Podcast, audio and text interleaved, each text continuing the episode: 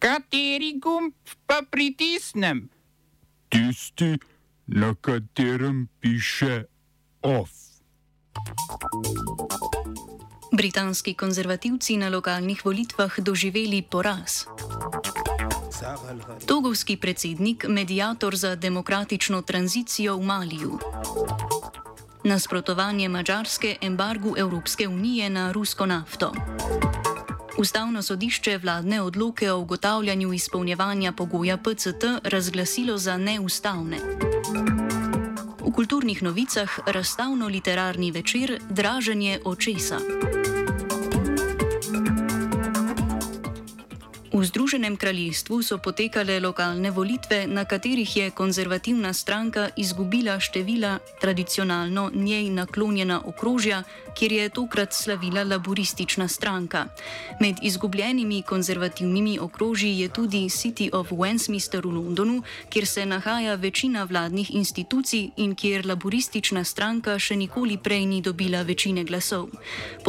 Je podpora je konzervativni stranki padla pred predvsem v južnih delih Anglije, medtem ko jim je sever Anglije, ki je leta 2016 na referendumu večinsko podprl Brexit, ostal zvest. Rezultati volitev za britanskega premijeja in vodjo konzervativne stranke Borisa Johnsona, ki se že tako ali tako sooča z nezadovoljstvom javnosti zaradi afer še in iz časa zaprtja države zaradi epidemije COVID-19, pomenijo povečan političen pritisk. Številni lokalni lokalni volitelji, voditelji konzervativne stranke, ki sicer v njej nimajo občutnejše politične teže, so pozvali strankarsko vodstvo, da naj Johnsona razrešijo v primeru, da ne odstopi sam. Volitve so potekale tudi na Škotskem, v Walesu in Severni Irski. V slednji so voljivci izbrali 90 predstavnikov regionalnega parlamenta. Rezultati volitev še niso znani.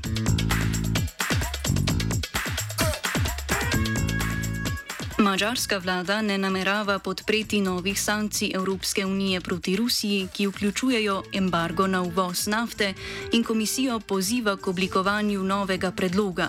V skladu z obstoječim je za države članice, ki so odvisne od ruske nafte, Evropska komisija predvide, predvidela tranzicijsko obdobje do leta 2023, ko bodo morale te države, pri čemer so izpostavljene predvsem Mačarska, Poljska in Slovaška, prenehati z uvozom surove nafte in njenih derivatov.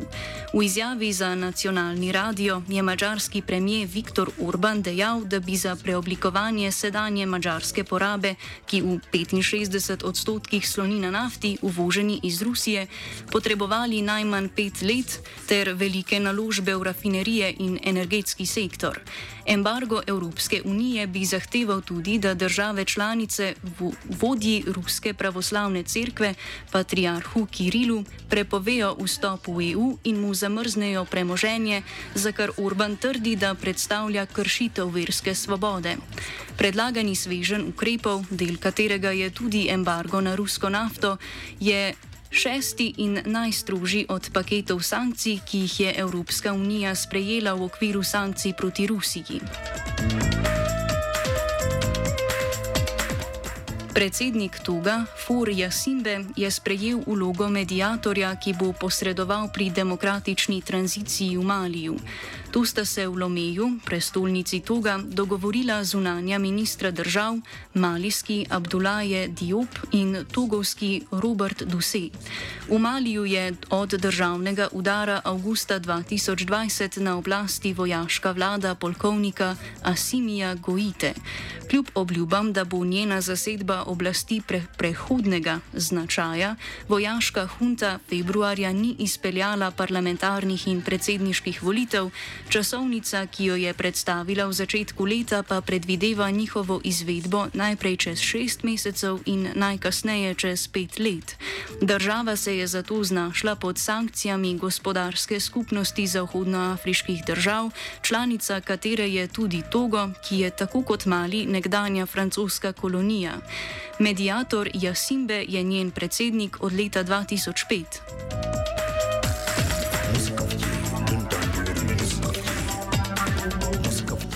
Prav tako lani je od vojaškega udara prišlo tudi v sosednji Gvineji. Gvinejska vojaška vlada, ki jo vodi Mamandi Dumbudža, je razglasila kazanski pregon 27 visokih funkcionarjev bivše vlade, med njimi nekdanjega predsednika Alfa Kondeja in jim prepovedala zapustiti državo. Pregon kaznjivih dejanj proti članom nekdanje vlade se je začel kmalo potem, ko je gvinejska vojaška oblast napovedala triletni tranzicijski načrt za ponovno vzpostavitev civilne oblasti. Kondeja, leta 2010 prvič demokratično izvoljenega predsednika Gvineje, je toživstvo obtožilo umorov, korupcije in soudeležbe pri kršenju človekovih pravic.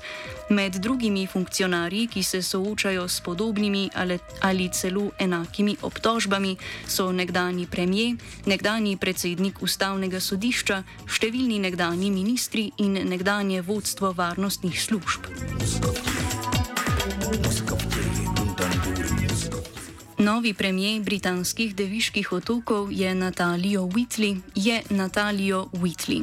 Do njegovega imenovanja je prišlo potem, ko je guverner John Rankin prejšnjemu premijeju Andrewu Fahiju zaradi obtožb sodelovanja s kartelom pri tihotapljenju kokaina v Združene države Amerike oduzel mandat. Nezaupnico Fahiju je predtem izglasoval parlament britanskih deviških otokov.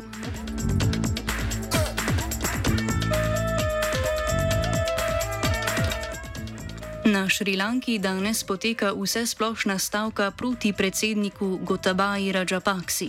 Med protestniki je več tisoč javnih in zasebnih uslužbencev, pri čemer je za čas stavke zaprtih več tisoč šol, trgovin in drugih podjetij. Protesti so posledica nadaljevanja ekonomske krize, ki je v državi povzročila pomankanje hrane, nafte in tuje valute, nujne za trgovanje z drugimi državami. Gre za najhujšo krizo od razglasitve neodvisnosti od Velike Britanije leta 1948. Raja Paksa kljub pozivom ne namerava odstopiti. Oba, če, bom odgovoril na angliški. Slovenija bo poskušala pomagati. Slovenija bo naredila naš utmost, da bo rekla, da je situacija naš problem, sami. In da bomo naredili nadaljnje korake, as soon as the conditions are. Bomo vlado Marjana Cererera Šarca podprli.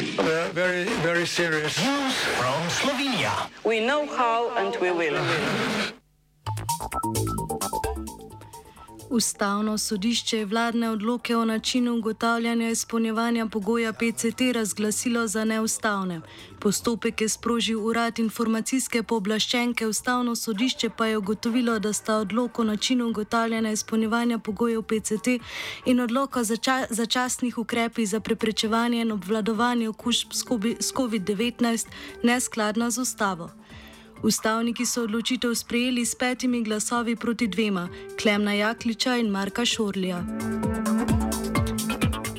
Odločitev ustavnega sodišča komentira informacijska pooblaščenka Mojca Prelesnik. Vladanje z odloki um, je torej na področju varstva osebnih podatkov nedopustno. V tem konkretnem primeru gre, bom rekla, celo za občutljive osebne podatke, za preverjanje z aplikacijo za odčitavanje QR kode ali pa za samim pogledom v potrdilo oziroma uh, dokazilo o izpolnjevanju teh pogojev. Na kakšen način pa bi bila uporaba aplikacije pravno sprejemljiva? Zdaj, uredba Evropske unije daje pravno podlago za to aplikacijo samo glede prehoda državne meje. Država pa, če želi to aplikacijo uporabljati tudi znotraj svojih meja, mora seveda to uvesti na ustavno skladen način. To pa pomeni z zakonom, ki ga spreme državni zbor, eh, ne pa z odlokom, ki ga spreme vlada. OF je pripravil vajenec Jan, mentoriral je Fabian.